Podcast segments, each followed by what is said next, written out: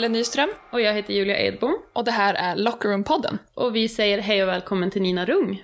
Hej! Vad kul att ha dig med oss. Ja, men roligt att jag fick frågan. Ni är ju mina små älsklingar där uppe i norr. vad fint. Ja, men för de som inte vet vem du är och vad du jobbar med, kan inte du berätta om dig själv? Ja, eh, jag har jobbat sedan ett gäng år tillbaka med att förebygga olika former av eh, framförallt mäns våld mot kvinnor och barn. Eh, vilket ingår då, där ingår ju sexuellt våld, där ingår frågan om porr till exempel, eh, och olika former av vålds utövning helt enkelt. Ehm, så det är väl det jag har gjort de, de senaste åren. Jag utbildar, skriver böcker i ämnet, ehm, processleder om jämställdhet för organisationer och företag och så. Ehm, Ja, och innan det så har jag liksom jobbat, alltså mitt liv har, har vigts åt det här. Så att jag, har, jag är kriminolog och genusvetare, det är min teoretiska bakgrund. Och sen har jag liksom jobbat med, med de här frågorna på olika sätt. Och innan jag eh, blev min egen så utredde jag den här typen av alltså grovt sexuellt våld och grovt våld mot eh, vuxna och barn på Stockholmspolisen. Vi eh, tycker du är så cool, alltså vi är såna fangirls, men, eh, och inspireras varje dag av allt du gör. Och det, vi är verkligen så glada och tacksamma över att du är här och eh, kan prata med oss om det här ämnet som är machokultur. Och det är, ett, det är ett stort ämne och vi tänker att vi, vi tassar inte runt utan vi kastar oss rakt in i det. Och då mm, tycker jag vi börjar bara från grunden med att du får definiera vad machokultur är och hur den uttrycker sig. Ja, men just det. Ja, men machokultur är väl ett, ett uttryck som man använder för att förklara liksom en hel uppsättning normer och idéer och föreställningar som vi har. Och då när det gäller just machokultur så är det kring kring män helt enkelt och maskulinitet och pojkar. Och det är ju en hel del olyckliga normer som leder till det som vi kallar machokultur och som får konsekvenser som jag gissar att vi ska prata om mer sen, men som, som liksom utmynnar sig i våld och övergrepp och egen utsatthet också. Så man kan väl säga att om vi, om vi skulle liksom hårdra det så kan man säga att men, det handlar om allt från att vi inte lär pojkar från att de är små eh, att prata om känslor till exempel. Eh, vi lär dem att det är okej okay med våld ofta. Alltså att det är okej att eh, skojbråka, knuffa på varandra, eh, dra tjejer i håret för att man vet ju hur killar är i den där åldern. Eh, eller nypa tag i brösten för att tjejer, eh, killar är så intresserade av tjejer. Alltså att det finns liksom ett okejande av våld till exempel. Och det där är en del av machokulturen. Eh, men om man dessutom heller inte har fått med sig verktyg eh, att liksom berätta om hur man mår eller att ens kolla av med andra killkompisar hur det är och, och liksom inte kunna ha den typen av samtal. Jag har träffat så otroligt många killar på gymnasiet, tiotusentals faktiskt, eh, runt om i Sverige och som alla beskriver samma sak. Och där, där en kille sa det så tydligt, men jag har aldrig fått frågan av en vuxen hur jag mår egentligen.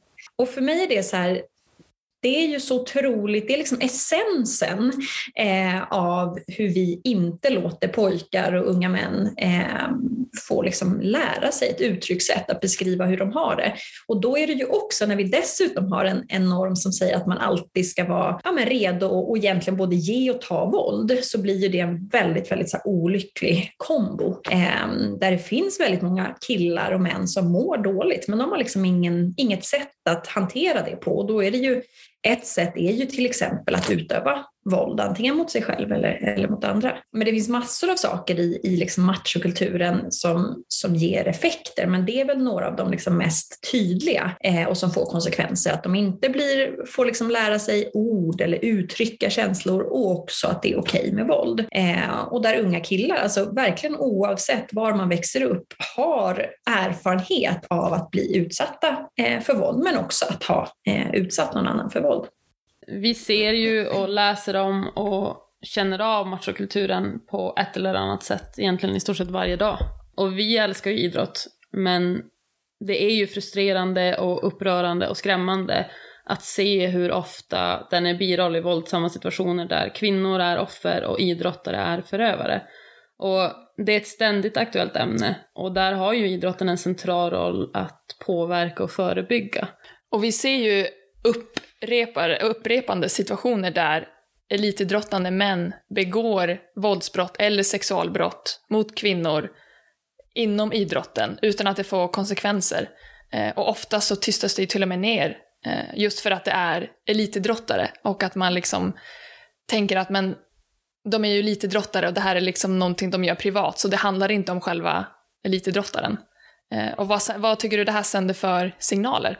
Nej, men det är ju superproblematiskt om man ska liksom använda ett, eh, någon form av så snällt ord kring det. Eh, det är ju helt vidrigt. Alltså det är ju inte så här man önskar att någon arbetsgivare skulle liksom hantera en fråga. Om man har en person eh, på sitt team eller lag då i det här fallet som begår brott. Alltså för det är dels det att man begår Eh, brott, men det kan ju också handla om att man har en jävla dålig attityd. Alltså att man skämtar om kvinnor eller nedvärderande om kvinnor eller eh, mer feminina män. Eller alltså att det finns den här liksom jargongen som, som ofta finns inom, eh, inom herridrott. Och det där är ju eh, Alltså det är ett så stort problem därför att vi har nio av tio barn är någon gång inskrivna inom idrotten. Alltså otroligt många idrottar, det kan vi liksom slå fast. Eh, och då är det ju också en fråga, så här, hur kommer det sig att väldigt många tjejer vid en viss ålder faller bort? Hur kommer det sig att det inte ser likadant ut på killsidan? Eh, ja, dels för att man eh, ser att man kan nå väldigt långt som, som kille och man inom idrotten i Sverige eh, och internationellt men inte som, som kvinna och då liksom ger man upp det helt enkelt. Det är ju en del av det. Men också så här, hur ser det ut där uppe? Liksom, hur är det i, eh, inom idrotten? Om, om eh, den där jargongen är ju någonting som också, även om man inte har en i sitt eget lag, så är det någonting som, som liksom påverkar hela idrotten. Ehm, eller den just idrott som man, som man utövar. Ehm, och som också kan göra att väldigt många liksom väljer att inte ens vara i de rummen. Och när det dessutom då blir tydligt där det finns män eh, och unga män som begår brott Eh, alltså som använder våld mot sin partner, som eh, blir misstänkta för sexualbrott på, på kvinnor på en, efter en fest eller på krogen eller vad det kan vara. Men man fortfarande välkomnar den här personen in i värmen eh, just för att han är en sån liksom, valuable player. han är någon som laget behöver för att kunna nå kanske vad man tror då, segrar eller eh, nå längre i kuppen eller vad det kan vara, så blir det ju ännu tydligare eh, hur vi hanterar eh, män inom idrotten. Så det finns ju liksom olika eh, liksom delar av det där där det, där det blir problematiskt. Men, men eh, det här måste vi få bukt på. Alltså vi, vi måste på riktigt välja sida lite grann. Alltså antingen så får vi välja att tycka att det är viktigt att göra någonting eh, för att få mäns våld mot kvinnor att upphöra. Eller så väljer vi att inte göra det. Och väljer man att en kille eller man får fortsätta spela eh, för att han är så viktig för laget, men där han är misstänkt för eller till och med dömd för den här typen av brott, då får man ju ställa sig frågan, liksom, eh, här bidrar man ju till att det här kan fortgå. Därför att det är inte bara just den här enskilda killen och mannen, utan det är ju också vad det sänder för signaler till alla andra. Eh, att det är helt okej okay att vara allt från liksom en skitstövel och ha en jävla jargong, men också till att faktiskt begå brott mot kvinnor. Eh, därför att det spelar ingen roll så länge du är viktig för klubben. Eftersom man är just inom elitidrott så blir man ju en sån frontfigur för idrotten och det är svårt att vara elitidrottare och vara anonym. Och då blir det ju, då sänder man ju verkligen ett budskap eftersom det är någon person som man kanske det blir ju någon man pushar för att det här är liksom vår bästa spelare, det här kanske är någon som man lägger upp i sociala medier hela tiden. Och blir det då att man ignorerar vad, vad den här personen har gjort så är det ju ett, då sänder man ju ett väldigt tydligt budskap för vad man står för egentligen. Ja, att man inte bryr sig om vad den personen, hur den ser på andra människor eller hur den ser, alltså ställer sig till bara mänskliga rättigheter. Och också, det är hela personen som får plattformen, inte bara elitidrottaren. Och det är därför det kanske är viktigt att ta ställning och inte särskilja det. Känner du att det finns ett motstånd till att stänga av idrottare som begår våldsbrott av den här typen? Ja, men verkligen. Eh, det finns det ju. Och det är ju återigen för att det handlar om pengar. Alltså, det, det är det också som är frågan. Så här, vad, vad, väljer vi att foka på? Är det att människors liv eh, ska liksom hedras? Eller är det pengarna den här personen kan spela in? Eh, och vi har ju sett flera exempel på det i Sverige där man liksom har valt att låta någon spela klart Eh, och då menar inte jag matchen utan tills liksom den här, eh, om, om det nu är ligan eller kuppen eller så, är klar. Sen kan man ta den här personen ur spel, men då har det ju liksom ingen verkan därför att man vill vinna matcher. Eh, och jag tänker också att det blir, för många av de här spelarna så har ju de blivit uppväxta, eller vad säger man, uppvuxna, vad säger man, uppväxta? Ja. I många av de här spelarna så har de blivit uppväxta i de här lagen också. Så det blir ju också en direkt feedback till det här laget. Att så här, det här är en kille som är fostrad i eran, eh, ja, men allt från juniorer till liksom, vad han nu kan ha befunnit sig och vad man har för liksom, eh, barndel till att han har liksom kommit upp där han är nu. Så det blir också en sån tydlig fråga för så här, det här är killar fostrade av idrotten och det här är vad liksom eh, outcomet av det. Ehm, och det är väl också därför det är lite svårt, tänker jag. Alltså det, det är lättare om man säger att man har en vanlig arbetsplats och sen så eh, plötsligt är det någon som begår brott så kan man säga nej men det är inte den här arbetsplatsens kultur i alla fall utan det är den här enskilda, det är ett bad apple liksom som har råkat eh, hamna här i det här äppelträdet. Medan om du är fostrad i den här klubben så är det mycket svårare att säga ah, det är bara han, vi har ingenting eh, med det här att göra. Så jag tror att det är det som också gör det svårt. Eh, och jag kan ju, om man tittar liksom mot Ja, men USA till exempel som har ju en, en väldigt stor idrottskultur där man ju har mycket mer jobbat med olika typer av eh, ja, men så policydokument kring vad gör vi när en eh, kille man, eh, spelare, är misstänkt för? Hur supportar vi hans eh, familj, alltså familjen till honom men också familjen till den här personen som är utsatt. Eh, ska han stängas av? Hur, alltså att det finns ett tydligt regelverk. Eh, och det har vi ju inte i särskilt många idrotter i Sverige och det kan jag ju tycka bara är så märkligt. Och återigen, så här, vad väljer vi att fokusera på? Är det bara cashen ska in eh, eller är det faktiskt att vi, vi har ett, ett, liksom, ett ansvar för de som, som befinner sig eh, i vår klubb, både när de är liksom, de facto på arenan eller vad det kan vara, eh, men också utanför. Ja, och vi har ju, på tal om det med policy och eh, uppförandekoder, har vi ju sökt just nu på Svensk Basket och se om det finns någonting just för att motverka detta eller om det blir några konsekvenser ifall mm. något händer. Men det har, vi har inte hittat någonting i alla fall. Eh, det som vi hittade var från RF Alltså Riksidrottsförbundet. Och deras uppförandekod, där de egentligen är ganska luddiga och säger att idrottsrörelsen ska vara en plats där alla känner sig trygga och där inga former av sexuella övergrepp är accepterade under några omständigheter. Våld, hot och trakasserier inom idrottsrörelsen är oacceptabla. Och så står det att du som i anslutning till idrottsverksamhet utövat våld eller försökt utöva våld mot en annan person eller som hotat eller annars allvarligt kränkt någon kan bli bestraffad. Så det är ju liksom inte jättetydligt, utan det är ju ganska, eh, liksom ändå ganska självklara saker som sägs. Och det är inte så mycket att så här motverkar vi eh, liksom det inom kulturen eller så här blir konsekvenserna när det händer, utan det är mer du kanske kan bli bestraffad ifall klubben mm. känner för det. Typ, det är så jag tolkar det i alla fall. Ja, eh, samma här. Och jag tänker också som klubb, om du har en spelare som begår de här typen av brott, då kanske du behöver stöd från en högre instans. Och det erbjuds inte här. Därför att som klubb är du också ganska utelämnad till fans, sponsorer, supporters och så vidare och så vidare och så vidare. Och då behöver du stöd från någon uppifrån som säger det här är inte accepterat i idrotten som stort. Det ska inte vara upp till en enskild klubb att ta det beslutet, för då kommer pengarna in på en gång och det är då det blir skört. Och det ska ju inte handla om att prioritera pengar över, en, över mänskliga rättigheter. Det får som aldrig minna ut i det. Men det är ju lite där vi är idag. Tyvärr.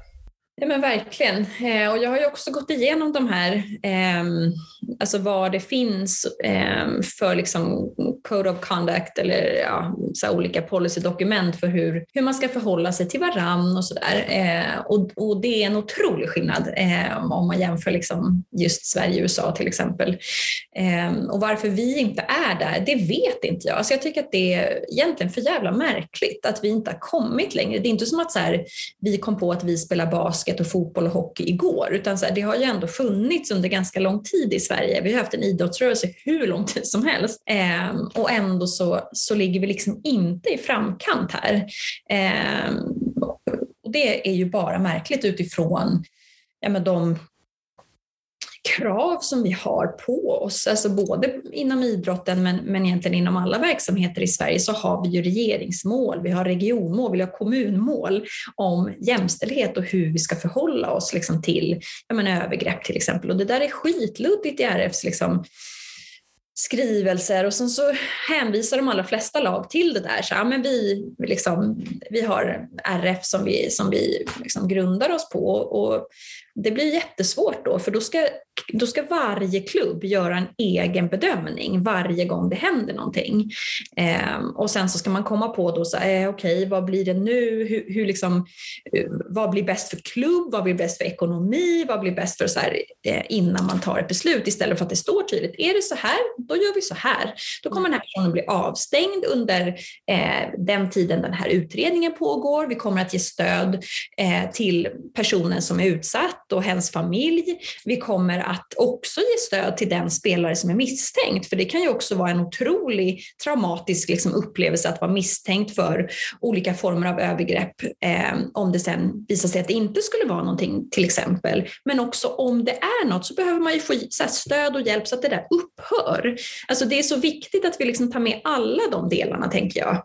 Eh, och inte bara så säger okej okay, du ska bestraffas och sen är vi nöjda, utan så här, nej du måste upphöra med det här. Den här de här liksom föreställningarna, den här kulturen som du bär med dig och som du är fostrad i, i de omklädningsrummen, den måste vi förändra för att annars kommer han begå övergrepp igen och igen.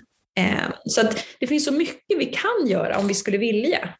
Och nu bara när man kollar på senaste två åren med covid så var ju alla klubbar väldigt snabba med att skriva liksom, om det här händer, då gör vi exakt så här. Mm. Om du har så här många spelare som får covid, då gör vi exakt så här. Så det går ju absolut att få fram sådana här saker snabbt med liksom, eh, olika konsekvenser som händer.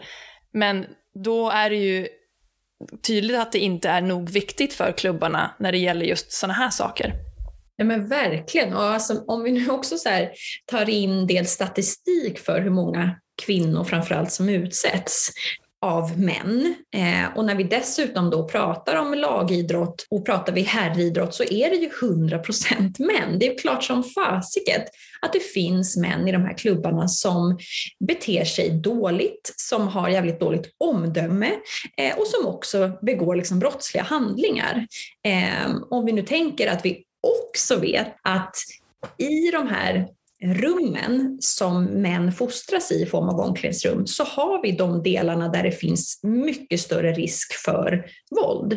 Det handlar om att de, är, eh, de ska kunna ge och ta liksom, gliringar, de ska kunna eh, bara visa att allt är okej, okay, hela tiden prestera. Alltså alla de här delarna har ju forskningen visat att här finns det mycket större risk för våld just i sådana här killgrupper. Så att man borde ju vara ännu mer tydlig och eh, liksom jobba stenhårt på de här frågorna när man just har de grupperna där vi vet att det finns en större risk för våld. Vi upplever också att när man för den här typen av konversationer kring elitidrottande män som begår våldsbrott som sen ska eh, fortsätta spela eller göra comebacks eller vad det än må vara så hamnar fokuset väldigt ofta på att man inte kan eller bör eller ska neka en förövare jobb och att det som nästan blir sympatin riktas på förövaren istället för att konversationen faktiskt handlar om det viktiga vilket är brottet som har begåtts och det offer som blev utsatt. Och det är som det är så lustig vinkling att man man fokuserar nästan mer på det än vad man gör, alltså det är som att fokuset skiftas på ett väldigt intressant sätt eh, från kvinnan till mannen. Mm. Och det, jag tycker det är enormt frustrerande. Eh, och många menar också på att har man avtjänat ett straff för ett våldsbrott så är man lite good to go och att det då skulle vara eh, etiskt fel av ett idrottsförbund eller en liga att inte välkomna en spelare med den här typen av brott i registret. Hur ställer du in dig inför det? Nej, men jag tänker att det handlar om vilken typ av brott det är såklart. Eh, men också hur personen har hanterat det. Alltså är det så att man säger så här, nej, jag har aldrig gjort det här, jag är, jag är felaktigt dömd, det här skulle aldrig... Alltså då kan man ju också fundera lite så här, okej, okay, har den här personen faktiskt tagit in det den har gjort? Eh, om vi utgår från att en dom är rätt och att det liksom finns tillräckligt med bevisning. Eh, och då kan man ju säga så här, nej men jag vill ha i min klubb vill jag ha spelare som är mogna, som har liksom förståelse för sina handlingar och hur de påverkar andra. Alltså man kan ju ställa den typen av krav, precis som en arbetsgivare i en annan form kan ha. Så här, men det vi söker här, det är rå talang, men också att man har en, en schysst kultur, liksom. att man, man har värderingar som är schyssta och bra. Eh, så jag tänker att det där inte är en helt så svartvit fråga. Eh, och sen är det frågan om så hur lång tid sedan begicks brottet? Har man ja, men gått med kanske på behandling? Kan klubben erbjuda det och säga så här, vi eh, ser att du har blivit dömd för det här brottet. Vi eh, förstår nu att du ehm, eh, är liksom klar utifrån en så straffprincip. Men för vår del så är det väldigt viktigt att våra spelare eh, också är med liksom mentalt på vad som har hänt. Så därför så erbjuder vi och vill att man går de här tio gångerna i behandling. Alltså det finns ju massa saker man kan göra. Man behöver inte bara så här bestämma ja eller nej, utan man kan så här, eh, tänker jag, fundera mer kring så här, vad innebär det? Vad är ett straff? Är det det viktigaste eller är det att personen har ett, ett sätt som, som jag vill ska liksom kunna representera den här klubben? Eh, för det gör man ju. De här personerna representerar ju sin klubb också när de är ute på stan och det är väl där det ibland inte liksom riktigt, man verkar inte riktigt tycka det, utan har det inte hänt i arenan, men det är väl herregud inte där det händer eh, utan eh, någon annanstans, eh, så är man ju fortfarande ansvarig för sina handlingar. Och, och man kan också, så är det ju med, med arbetsgivare, man kan ju dels så kan man ju ta, få ta ut ett eh, belastningsutdrag inom vissa arbeten eller yrken gör man ju det. Eh, och där vissa brott inte funkar ihop med det helt enkelt. Det är väldigt svårt att bli en omsorgsperson eller jobba inom vården eller inom omsorgen eller ta hand om förskolebarn om det är så att man har eh, eh begått övergrepp mot barn till exempel. Och så ska det ju vara. Det är, vissa människor passar inte för vissa liksom, yrken. Eh, medans eh, ja, man kanske inte tittar så noggrant på det där när det gäller eh, idrott. Eh, vilket återigen ju är ganska så märkligt, för att du måste ju kunna vara hundraprocentigt, kunna lita på dina lagkamrater, kunna ha bra omdöme och så vidare. Och då är det ju ganska viktigt att, eh, att man också kan se att vad har den här personen tagit ansvar för eh, tidigare i livet. Ja, och det känns ju viktigt just i lagidrott, eh, liksom hur man är som person och inte bara hur duktig man är på att dribbla en boll eller skjuta en boll. Eh, men jag tänkte på det du sa, Eh, att det kanske inte oftast händer just i arenan, men att det känns som att just i elitidrotten så skiljer man alltid på personen och idrottaren på något sätt. Att det är idrottaren man liksom vill pusha för och, och vill åt, medan den här personen kanske man Eh, om den då har gjort något våldsbrott eller sexualbrott så kanske det är någonting man vill liksom försöka eh, sopa under mattan. Men att är man nog bra idrottare så då spelar det liksom ingen roll vad den här personen har gjort för att det är liksom två olika människor. Men det är ju inte det, det är ju samma person. Verkligen, och jag tror att det är det där som blir eh, varför vi liksom tycker att det är eh, ens en fråga tror jag, är just för att man tycker att det är svårt att liksom, så här, men vi tycker ju att han är så himla duktig på sin idrott. Så bara, ja fast han har också, så här, jag, jag var med i en, en, eh, nu minns jag inte om det var Uppdrag granskning eller något liknande sånt reportage som gjordes för några år sedan om, om Kingsley Sarfo som ju eh, är, jag tror att han fortfarande spelar fotboll, eh, men var en fotbollsspelare då i alla fall som, eh, som där flera av de andra i laget reagerar på att så här, det är mycket unga tjejer runt honom och väldigt unga tjejer som kommer och tittar och, eh, och så där på matcherna. Och, och de hade liksom reagerat lite och någon hade sagt till och det hade så varit lite och någon hade tagit något snack i klubben och så blev han ju också dömd då för våldtäkt på barn. Och, och det där för att det var en väldigt ung tjej, hon var 14 år gammal.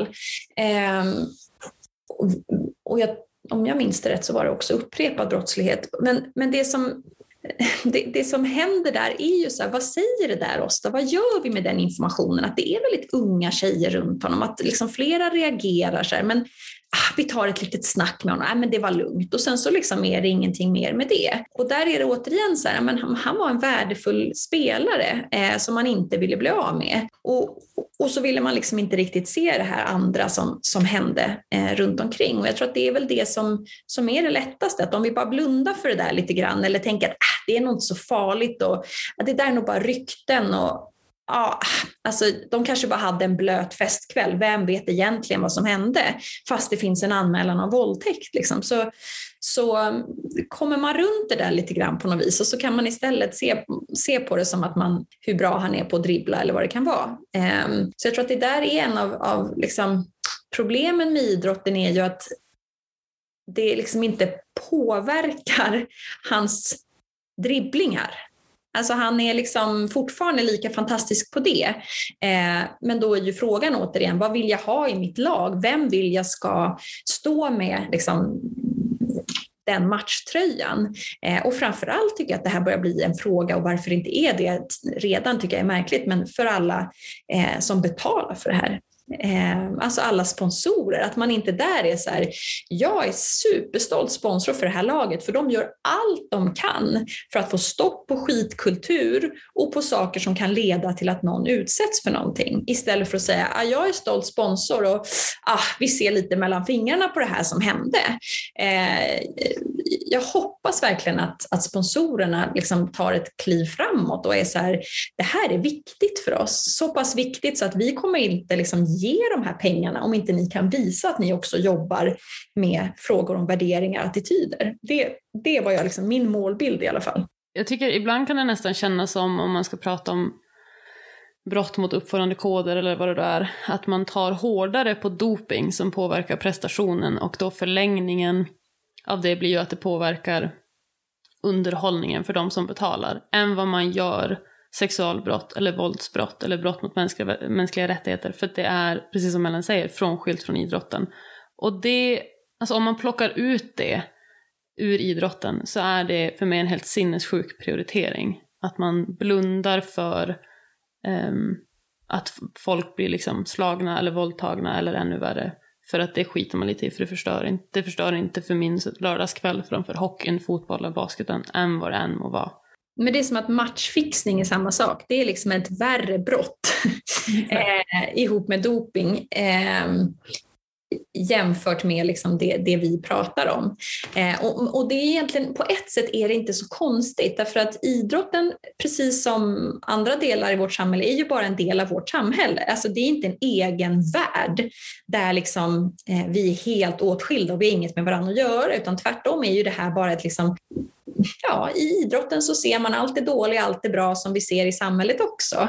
Eh, och då, det som som tyvärr är liksom konsekvensen av det är ju att vårt samhälle inte tar lika allvarligt på mäns våld mot kvinnor eller olika former av sexuellt våld eller vad det kan vara som vi gör med andra frågor. Alltså det är samma sak med min gamla arbetsplats polisen som, där man i många, många, många år har försökt komma liksom till, till någon form av lösning med att man prioriterar andra typer av brott. Alltså nark grova narkotikabrott eller eh, grova vapenbrott och så är mycket liksom coolare och häftigare att utreda än mäns våld mot kvinnor och eh, sexuellt våld. Och det där gör att de inte blir prioriterade. Det gör att eh, det är färre som vill jobba med det. Det gör att det har jättelåg status och så vidare. Och det är liksom en del av samma problem som, som det är inom idrott idrotten. Att man ser inte på det eh, därför att kvinnor inte har en lika hög status i samhället. Alltså det är liksom den krassa sanningen. Eh, och det är också det som gör att det blir viktigare med matchfixning än eh, att se till att inte en till eh, kille begår ett övergrepp på en tjej som är fostrad i en idrottsklubb. Om vi då ska Eh, försöka blicka framåt. Eh, du sa att nio av tio barn någon gång är med i någon slags idrottsrörelse. Eh, så det är väl där och kanske skolan man på något sätt måste fokusera på. Men vad tror du att idrotten har för ansvar och möjligheter till att göra skillnad i den här frågan? Nej, men idrotten har ju en enorm möjlighet, alltså just för, inte bara för att nio av tio barn går inskrivna, eh, för det är ju liksom den näst största arenan efter skolan eh, som möter barn, utan också för alla unga, framförallt pojkar nu om vi pratar machokultur, som växer upp och ser sina liksom, idoler göra grejer.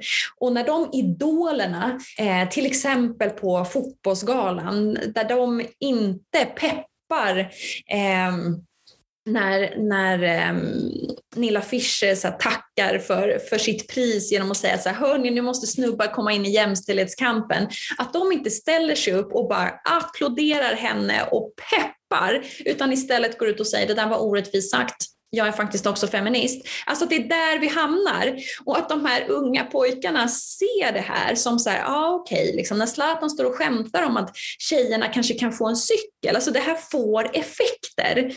Ehm, så att idrottsrörelsen kan göra så mycket och jag menar att de har ett enormt ansvar. Det är så sjukt mycket pengar som kommuner, som, som eh, massor av företag eh, och som också staten går in med eh, i, för, eller i eh, idrotten i Sverige.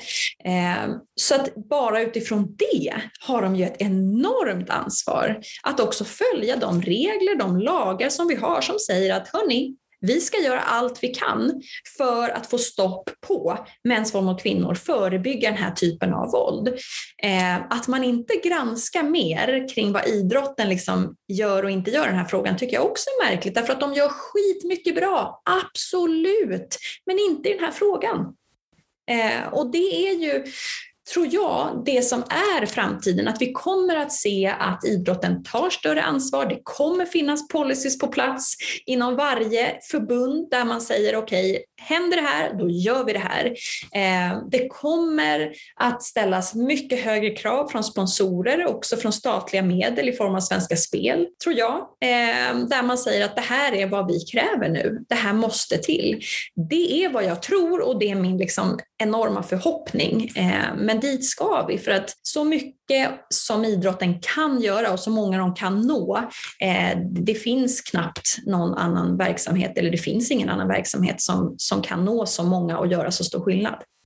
Håller helt med. Vi håller helt med. Nina, tusen tack för att du tog dig tiden och delade med dig av all din kunskap och din röst.